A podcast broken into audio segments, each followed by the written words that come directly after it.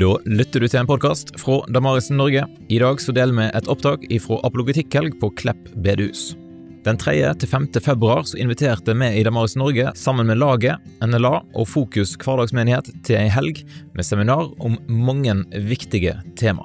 Du finner forresten òg video av seminaret på vår YouTube-kanal, så søk opp den og abonner på YouTube-kanalen vår. Vil du være med og støtte arbeidet med å lage flere sånne ressurser? Da anbefaler jeg at du går til damaris.no, for der finner du informasjon om hvordan du kan bidra. Her er dagens seminar.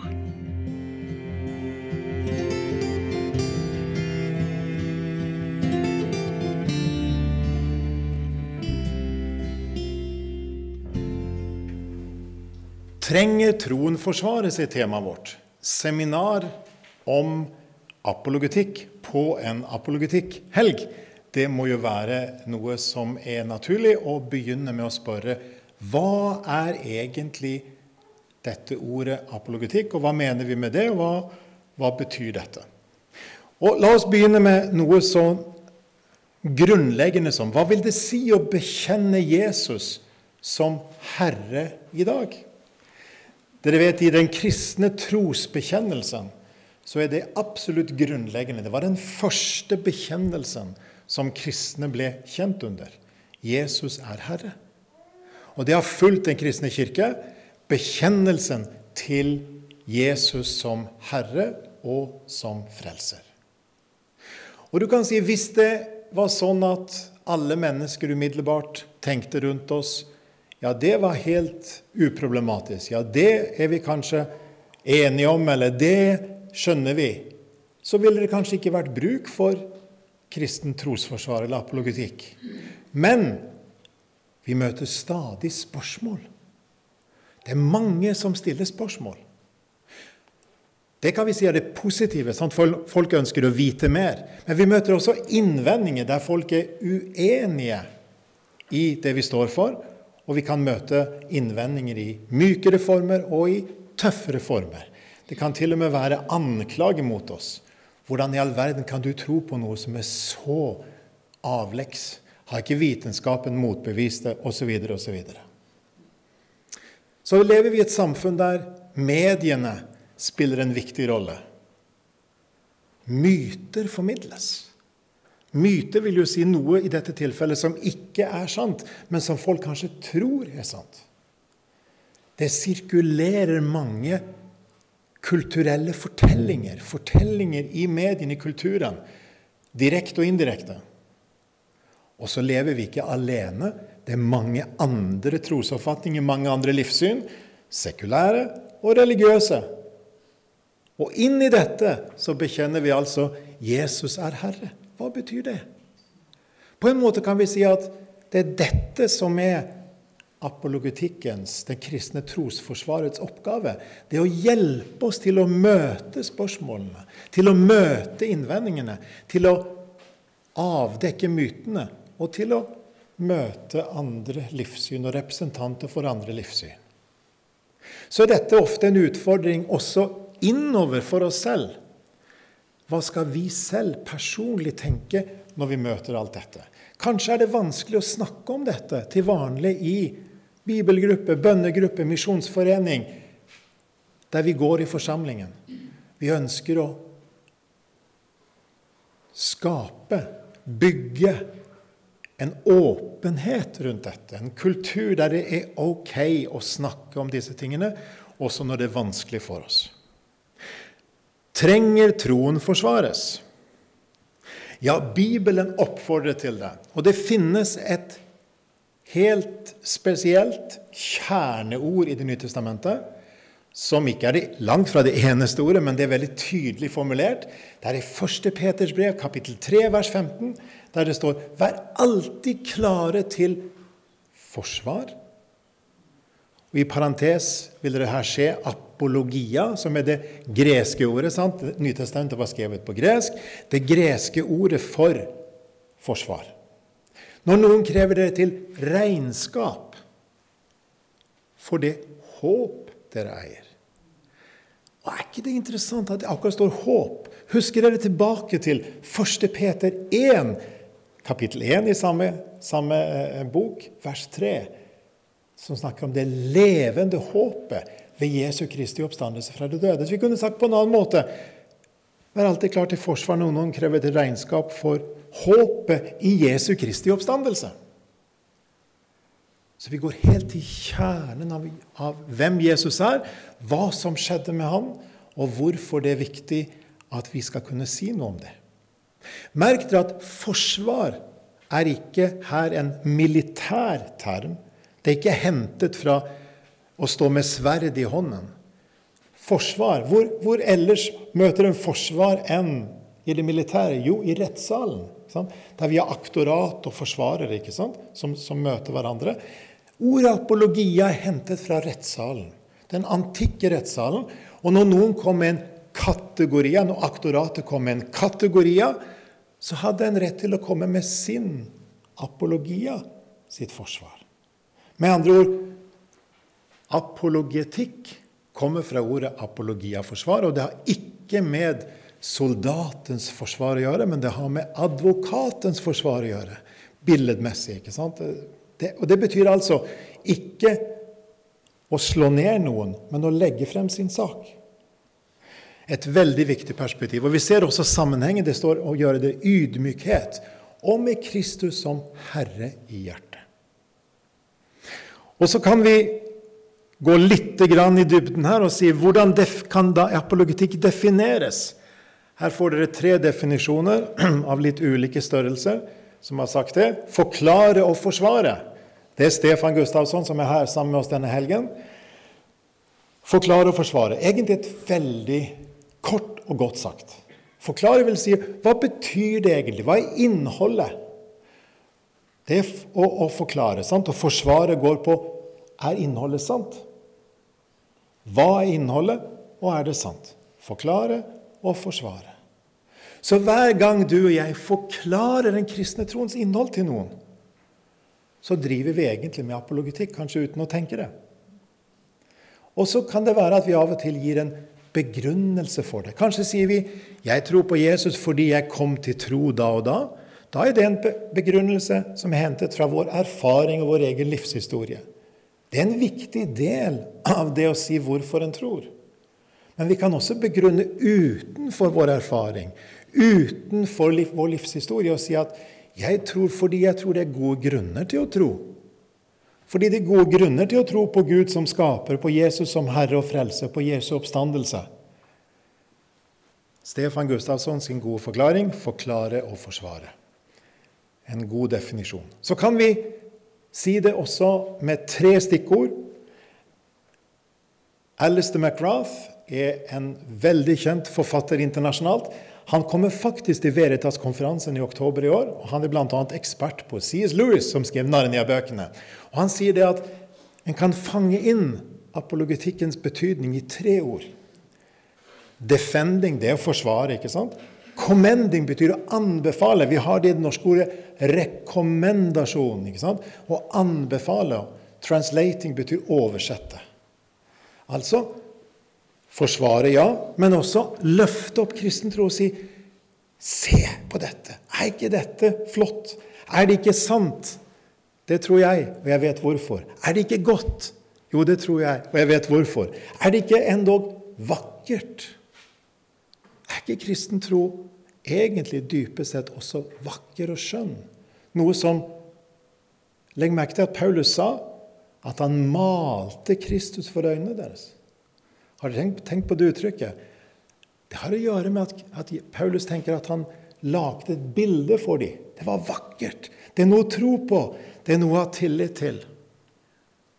Og så har jeg lagt, min, lagt til min egen definisjon, som er litt lengre, som går på at i spesifikk forstand, I, i, i, sånn smal betydning av ordet apologetikk, en kan definere det smalt og bredt, så er det den tankemessige begrunnelsen for hvorfor kristen tro er sann. Altså de tankemessige grunnene for det. I møte med det vi sa spørsmål, alternativer, innvendinger.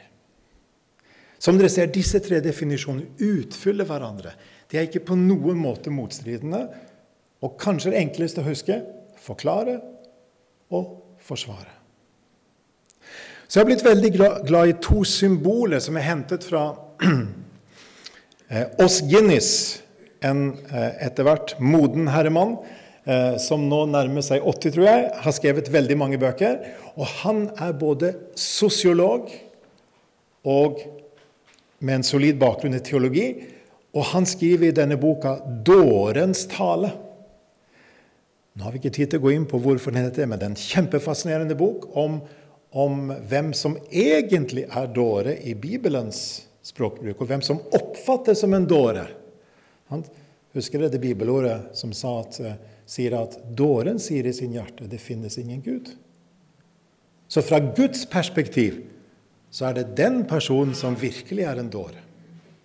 Og så sier Oss Guinness at i kirkens tradisjon, i kirkens historie, så er det to symboler på apologetikk.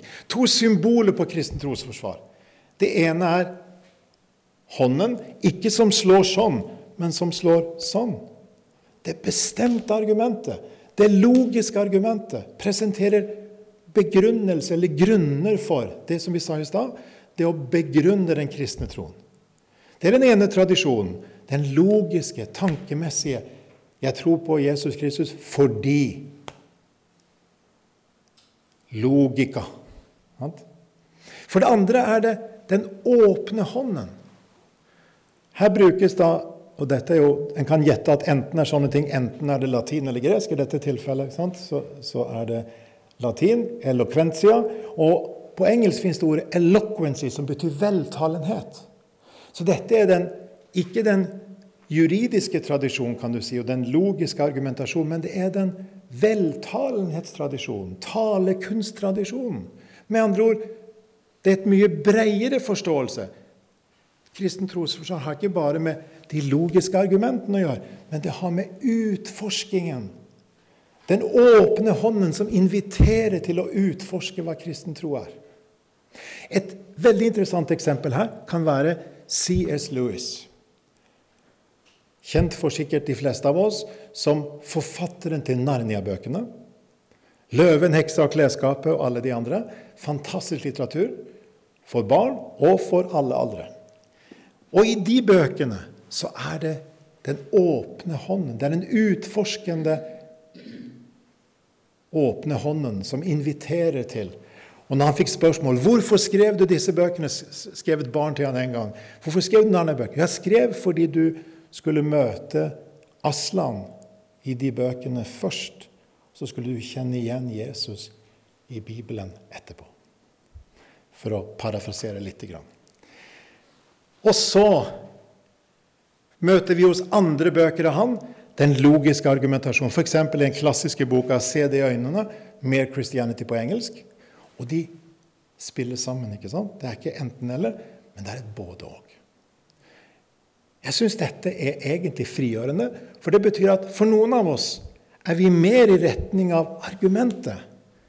Vi er sterkere på den sida, mens andre er sterkere på det kreative, på det utforskende, på det indirekte, på det veltalende, kanskje. Ser dere hvordan dette henger sammen? Og det er ikke enten-eller, men det er både-og. Så kan vi gå litt dypere og si at Kristen trosforsvar, apologetikk, det å forklare og forsvare troen, har Guds åpenbaring som grunnlag. Det er nemlig ikke sånn at enthvert livssyn egner seg like godt for apologetikk. Islam egner seg forferdelig dårlig for apologetikk. Fordi Allah er så fjern, ikke sant? og Allah har ifølge Koranen ikke åpenbart seg i historien. Vi har ingen, vi har ingen øyenvitner, ikke sant? Ingen, ingen, som på en måte eh, forteller for oss hva som har skjedd. Historien har ikke et poeng. Men der vi møter så å si Mohammed påstår at han har mottatt noen åpenbaringer, og ingen mulighet for å sjekke dette. En må akseptere det i blind tro. Dette sagt i respekt for islam, men også i tydelig anerkjennelse av at det er forskjell. Dyp forskjell. Sånn kunne vi gått fra livssyn til livssyn og sett at egentlig er det først og fremst kristen tro som i sitt grunnlag åpner opp for trosforsvar, for å forklare og forsvare troen. Gud har åpenbart seg i skaperverket. Eh, I reformasjonstida snakket han om Guds to bøker. Guds uskrevne bok, Guds uskrevne bok i naturen, og Guds skrevne bok i Bibelen. Det var altså to bøker Gud åpenbarte seg gjennom. Og de bøkene motsa ikke hverandre. Bare spørsmål bare hvordan vi skulle få de til å forstå de sammen på en riktig måte. Så Gud har åpenbart seg i skapelsen, rundt oss og i oss, i Skriften, i Bibelen, hele frelseshistorien og i sin sønn. Jeg syns det er lettere å huske med litt bokstaver i merket i alliterasjon. Skriften, skapelsen, Skriften og Sønnen.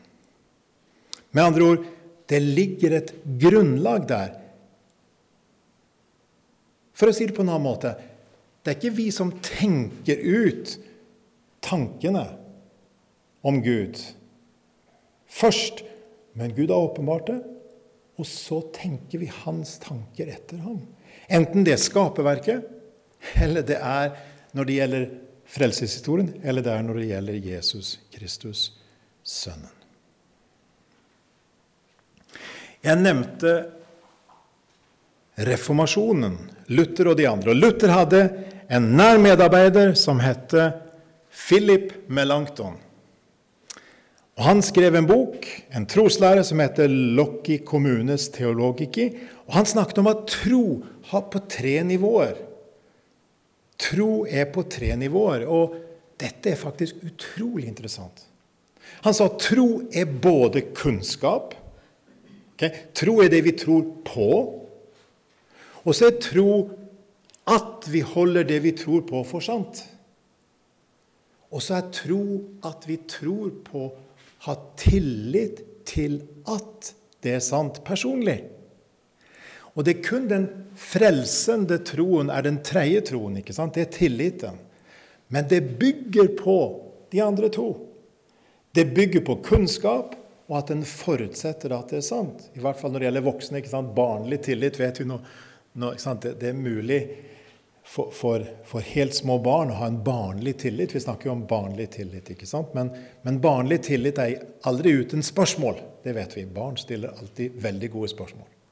Så Derfor så er det veldig interessant å reflektere videre. Hva betyr dette? Jo, det betyr at vi i vår kultur tidligere ble det formidla mye om kristen tro og Gud som skaper, Gud som frelser. Kunnskapen lå der i kulturen. Sant? Kunnskapen lå der gjennom skolens undervisning, kristendomsundervisning, gjennom konfirmasjonsundervisningen for, eh, og gjennom det kristne barne- og ungdomsarbeidet og i familiens formidling hjemme med husandakt osv. Hva skjer i dag? Kunnskapen er ikke på samme måte formidla. Så dermed må både kristne familier og kristne forsamlinger må tenke nytt. Vi trenger også å formidle kunnskap. Det som før lå som et grunnlag der, er ikke der lenger uten videre. Ta det andre nivået. Tro som forsantholden. Tro som det å holde for sant. Før var det sånn Det var ikke sånn at alle hadde en personlig overbevisning om at det var sant, det som står i Bibelen og Jesus Kristus. Men det lå i kulturen at det var det som var det naturlige valget. I dag er det det unaturlige valget i kulturen i mange sammenhenger. I dag er det sant, en motsetning, sånn at det som er naturlig å tenke at ja, men det er kanskje ikke noen Gud. Eller ja, ja, det er min tro, men eh, du har din tro, jeg har min tro. Ikke sant? Ikke, ikke prakk på det som du mener er sant. Du kan ikke mene at det virkelig er sant, kan du det? Sant? Alle disse her tankene som, som så lett kommer i dag. Det betyr at vi må ta på alvor både kunnskapen, det å ta det for sant, og selvfølgelig må vi ikke glemme den personlige tillit. Det er kun det som frelser. Men ser dere hvordan vi i dag har en annen oppgave som kirke tidligere pga. kulturens forandring. Og jeg kan si at Apologetikkens fokus ligger på nivå to her. ikke sant? Tro som holden. Å holde sammen kunnskapen og den personlige tilliten. Det er en grunn til at apologetikk er ikke alt, selvfølgelig. Det er mange andre viktige oppgaver. Men hvis apologetikken faller ut, hvis vi neglisjerer det oppdraget som Bibelen er så tydelig på, da kan vi få dype problemer i denne generasjon og fremover. De kunne formulere det sant, i historien noen, når de snakket om tro som på disse tre nivåene. Så husk personlig tillit er den frelsende troen. Men den bygger på, og forutsetter egentlig, tro som kunnskap og tro som forsantholden. Så nå har vi sett at trenger troen forsvares? Ja, Bibelen oppfordrer til det. Trenger troen forsvares? Ja, det er sånn at eh, vi, vi, det ligger i troens, kristne selve vesen. Gud har åpenbart seg. Altså kan vi si noe om det. Og troen, for, det å holde for sant, binder sammen kunnskap og personlig tillit. Men vi kan gå videre og si at Bibelen ikke bare oppfordrer til, men Bibelen selv forsvarer troen. Helt i hjertet av Det nye testamentet har vi to bøker som henger sammen som er skrevet av Lukas. Evangeliet og apostelgjerningene. Legg sammen de to bøkene, så er det jammen en, stort, en stor del av Det nye testamentet. Og Lukas evangeliet forteller oss historien om Jesus Kristus. Og så er apostelgjerningen historien om hvordan dette budskapet om hvem Jesus er, ble spredt fra Jerusalem til Roma. Men Hvorfor ble dette tobindsverket, Lukas evangeliet og apostelgjerne, skrevet? Husker dere hva som står i begynnelsen av, av eh, Lukas evangeliet, som plukkes opp av Lukas i kapittel 1 i apostelgjerningene? Jo, Lukas skriver til en spesiell person som heter Theofilos. Vi vet ikke mye om ham, vi vet bare det at han er mottaker av disse to bøkene. Og så sier han 'Jeg skriver dette til deg'.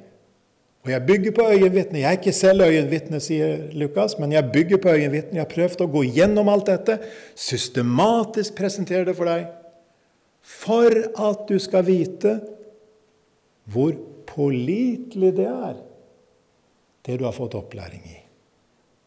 Hvor pålitelig det er. Ja, det er jo apologetikk, det. Så hele Lukasevangeliet og hele apostelgjerningene er skrevet med et apologetisk siktemål. Trenger troen forsvares? Ja, i hvert fall mente jo Lukas det. At en trengte å si noe om hvorfor det er sant. Og når du begynner å se på, lese det med det perspektivet, så blir det veldig spennende å se hva betyr det Jo, det betyr at vi finner et påstand om at det er troverdig. Og En kan si det at det ligger på tre måter, eller tre nivåer, denne påstanden. For det første er det historisk til å stole på. Det er en troverdig historie. Så, og Vi kunne sagt mye om det, men f.eks. apostelgjerningene er kjent for sin enormt eh, historiske nøyaktighet. Og Det finnes mye forskning på det området. Eh, veldig spennende materiale. Så det er en troverdig historie. Men det er ikke bare historien om Jesus og historien om apostlene som er verd å stole på historisk sett. Men budskapet er troverdig. Altså det, fra at historien er troverdig, så er neste skritt at budskapet er troverdig. Budskapet om Jesus Kristus, hvem han var, hva han gjorde, og hva han betyr, det er et troverdig budskap. Det vil si at det er verd å tro på. Det er verd å ha tillit til. Personlig tillit til. Men ikke bare det. Vi finner altså også at det har, er troverdig på et personlig nivå. For når vi møter fortellingen f.eks. For i apostlene, så ser vi hvordan evangeliet sant, går sin vei fra Jerusalem, gjennom Samaria, utover hele Romerriket, gå gjennom Roma, og vi aner på en måte at det også ligger planer om Spania osv. Og, og så er det ofte at en kan lure på de som kommer til tro. Har de gjort et riktig valg? Var det riktig å bryte med sin gamle overbevisning og komme til tro på Jesus Kristus? Kanskje er det derfor Lukas skriver til Teofilos. Det var riktig av det å komme til tro. Du valgte rett. Den troen du har valgt på Jesus Kristus, det livssynet du har valgt, det kristne livssynet, kontra gresk tro, ikke sant? i motsetning til gresk tro, i motsetning til, til romersk tro, i motsetning til alle mulige folkereligiøse eh, forestillinger. Til, delvis i motsetning til, delvis som oppfyllelse av filosofene sant? i, i Hellas osv. osv. Det var riktig av det å komme til tro. Troen var, på Jesus Kristus var det riktige valget. Ok, En troverdig historie, et troverdig budskap og et troverdig livsvalg. Jeg tror vi trenger å løfte alle de tre aspektene frem i vår tid. Det som står i Bibelen, er basert, i Nytestamentet er basert på øyenvitner. Folk kan granske det. og På bokbord her ute finner dere en haug med god litteratur om, om akkurat det. Det er et troverdig budskap. Jesus er den han sa seg å være. Vi kan tro med hele oss. Og derfor er det også et troverdig valg. Troverdig livsvalg. Ser du hvordan dette henger sammen? Historien, budskapet og hvordan livsvalget vårt knyttes til dette.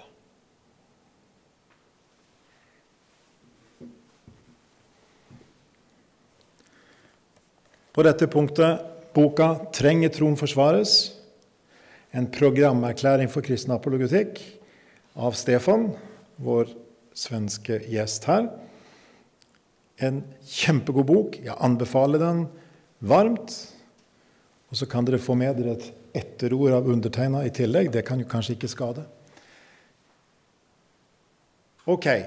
Mange eksempler, og vi har ikke tid til å gå inn på det her, men i boka finner dere mange eksempler på Men vi skal ta ett konkret eksempel. Fra apostelgjerningene, kapittel 26.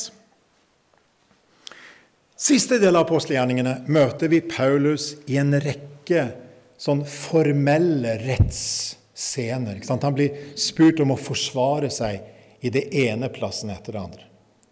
Og I kapittel 26 finner vi en spennende fortelling der Paulus da møter både eh, den romerske landshøvdingen Festus og den, eh, den jødiske eh, lydkongen, om du vil, Agrippa. Og så møter vi en lang fortelling i, i Apostelgjerningen 26 der Paulus presenterer om hvor han kom fra, hvem han var, hvordan han ble omvendt. Vi finner hans troshistorie, og vevd sammen med hans troshistorie er frelseshistorien. Og så kommer han til et avsnitt der han forteller eh, om at eh, jeg forkynte om at Messias Messias skulle komme og skulle dø og så sto Messias opp igjen for å bringe og forkynne, bringe lyset både til Israel og til folkeslagene. Og så plutselig, midt i all denne stasen og midt i denne høytidelige settingen Og det står i begynnelsen av, av, av denne scenen da, at eh, Agrippa og Festus kom inn med hele sitt følge. Jeg vet ikke om dere ser for dere i øynene ikke? Hele, hele liksom den, den prosesjonen kommer inn med høytidelig. Og så plutselig så bryter liksom Festus etiketten. ikke sant? Bryter liksom eh, Bryter eh, så å si eh, det som er sedvanen, og protesterer på dette. Hvorfor protesterer han på Paulus sitt budskap? Hadde vi nå hatt tid, kunne vi snakket sammen om det og tenkt høyt sammen om det. Men la meg foreslå to eller tre grunner til det. Det første er at hver gang oppstandelse nevnes i Nyttestamentet, så er det som regel føre til at noen sier det er helt umulig å tro på det. Og det er klart, skal vi være ærlige, det å tro på at noen som er død, står opp igjen, eller blir reist opp, som er den bibelske formuleringen, det er jo umulig. Det eneste som kunne si at det var mulig, var jo hvis Gud var til. Og Gud hadde skapt hele universet. Da makter jo Gud å reise sin sønn opp igjen. Men menneskelig talt er det umulig. Så kanskje var det derfor Festus protesterte? Kanskje protesterte han fordi her kom det en som sa at lyset måtte formidles fra en jøde, han, og et budskap om en jødisk rabbi, Jesus, også til hedningene. Altså, levde han i mørket, da? Er det det som er påstanden? ikke sant? Dere skjønner, hvis, hvis du må ha lys en plass, så betyr jo det at det ikke er lyst før lyset kommer. Jeg tror ikke det var særlig kjekt for Festus å høre at eh, det var Messias, Jesus, som brakte lyset. Eller kanskje det ble litt for sterk kost at her kommer denne kunnskapsfylte, denne lærde, jødiske rabbien Paulus og påstår ting som han ikke visste noe om. Din lærdom driver deg fra vettet, er påstanden sant, fra Festus. Og Det er jo interessant. altså Han anklager Paulus for å vite for mye. Det er jo ikke alltid den påstanden vi møter rundt forbi ikke sant, i dag. Men interessant scene. Og så kan vi lure på hvordan i all verden svarer, Paulus? Hvordan ville du svart, og jeg svart? I en sånn? Ville jeg sagt 'Å nei, ikke ta sånn på vei', da? Eller eh, 'Du har din tro, jeg har min tro'. Eller eh, 'Nei, jeg kan ikke argumentere for dette, du må bare tro blindt'. Hvordan er det Paulus svarer? Han sier det at det, Nei, jeg er ikke fra vettet, jeg er ikke fra forstanden. Jeg er helt nøkte, nøktern og helt edru. ikke sant? Jeg står her i mitt, mine fulle fem. Jeg vet hva jeg sier. Og så sier han for det første det er sant. Altså, ordet 'sant' betyr jo at det vel at det er, eh, stemmer overens med virkeligheten. Sant? Du påstår noe. Sant? I dette rom er det så og så mange personer. Enten er det det, eller så er det ikke det. Ikke sant? Det er sant hvis det stemmer overens med virkeligheten. Så sier han også det er vel gjennomtenkt. Så Paulus har brukt tid til å tenke igjennom hvorfor det er sant. Jeg må bare reflektere litt her sammen med dere. Har du og jeg brukt tid på å tenke igjennom hvorfor det er sant? Jeg tror vi trenger det i den nye situasjonen vår i samfunnet. Og til å oppmuntre hverandre, til å hjelpe hverandre. Og vi har alle noe å lære fra hverandre. Hverandres livshistorier, hverandres troshistorier. Forstå hvem vi er. Og Paulus sier frimodig det stemmer overens med virkeligheten, det jeg sier. Og jeg har tenkt igjennom det òg. Det er vel gjennomtenkt.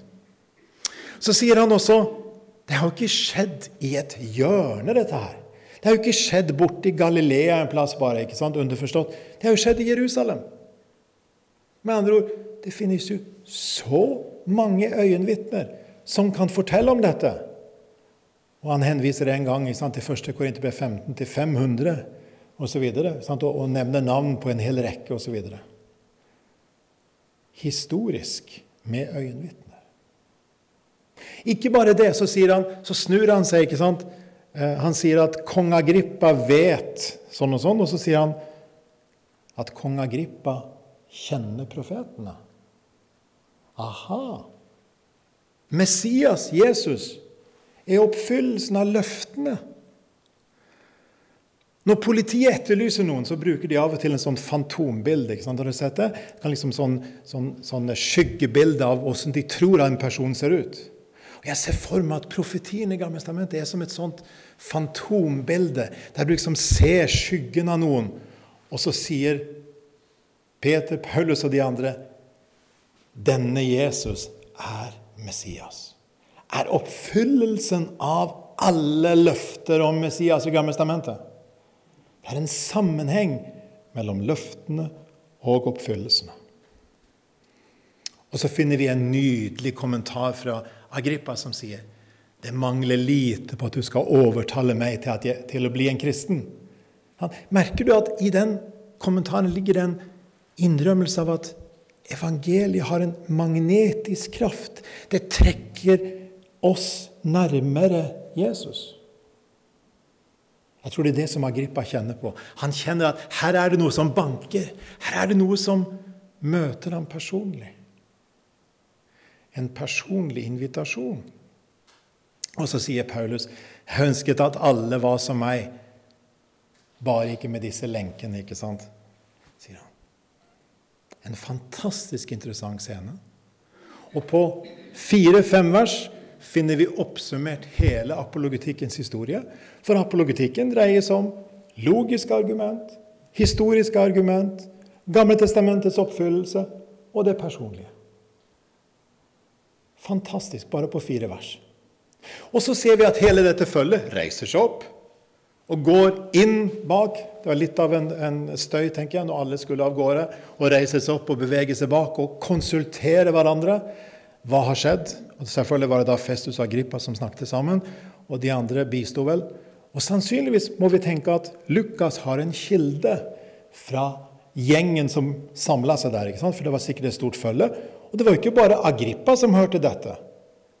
Vi vet ikke. Kanskje kom en hel rekke mennesker til tro på Jesus etter denne fortellingen. Paulus og så sier da til slutt han kunne ha blitt frikjent nå om han ikke hadde anket til keiseren. Og hvorfor anket Paulus til keiseren? Jo, fordi han ville til Roma. Han måtte til Roma. Det var en del av misjonsplanen, strategien. Evangeliet må til Roma, til, til Romerrikets sentrum. Og da finner vi at for å spille an på en kjent norsk bok i, i litteraturhistorien, er ikke det? 'Folkefiende'. Men Paulus, sier Lukas, er ikke en samfunnsfiende. Ikke sant? Eh, det er det som Lukas vil fortelle gjennom, også gjennom sine to bind her. Jesus og budskapet om Jesus og Jesu etterfølger er ikke noe som river ned samfunnet men de snur egentlig samfunnet rett vei. Hva svarer vi når spørsmålene kommer? Hva svarer vi når innvendingene kommer? Hva svarer vi når mytene formidles rundt oss? Hva svarer vi i møte med andre religiøse og sekulære livssyn? Vi kan lett nesten miste motet. Og da trenger vi å oppmuntre hverandre til å snakke sammen, til å dyrke den gode samtalen om dette i våre bibelgrupper, i våre misjonsforeninger, i våre kristne fellesskap, i barne- og ungdomsarbeidet, i voksenarbeidet, i pensjonisttreffene. Alle steder vi møtes, trenger vi også å snakke. Ikke bare snakke om dette, men også snakke om dette. Fordi vi lever i den tid vi gjør. Og for nå å avrunde med noe som har vært oppmuntrende for meg, her som siste, siste poeng i dette, denne, denne, formidlingen av hva det vil si at, at å forsvare og forklare troen, henter fra en, en veldig sentral misjonsleder og, og kristen teolog fra 1900-tallet som heter John Stott. John Stott uh, startet sammen med Billy Graham den såkalte Lausanne-bevegelsen 1974 og har, har, hatt stor stor betydning. Han sier det at vi trenger å lytte til Bibelen og samtiden, to the word, ordet, og the world, verden. I've sometimes called this double listening. Listening to the voice of God in Scripture and listening to the voices of the modern world with all their cries of anger, pain and despair. Altså, Jeg har noen, noen ganger kalt dette dobbellytting. Å lytte til Guds stemme i Skriften og lytte til den moderne verdens stemme rundt oss, med alle ropene i angst, smerte og fortvilelse. Det er veldig sterkt sagt. Å lytte seg inn til samfunnet rundt. Jeg har akkurat nå hatt gleden av å fullføre en, en sak jeg skrev om min oldefar, som var pionermisjonær på Madagaskar. Og igjen ble jeg møtt med hvor dypt han gikk inn, og de andre medmisjonærene gikk inn i kulturen. I dag er vi kalt også til å gå inn i kulturen rundt oss. Og da vil jeg bare si at i tillegg til bokbordet Eh, og nettressurs, så fins det mange nettressurser. Og vi har en nettressurs som heter Snakk om tro. Snakkomtro.no. Der finner dere et hav av ressurser om å lytte til ordet først, til Guds ord, og lytte til samtiden, to the word and the world, for å la ordet tale til samtiden. Så har vi delt noen tanker om trenger troen forsvares. Bibelen oppfordrer til det. Bibelen gjør det selv. Bibelen viser hvordan åpenbaringen ligger som et grunnlag. Guds åpenbaring.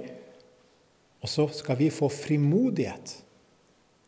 Ikke med arroganse, men med ydmykhet, respekt, men med frimodighet.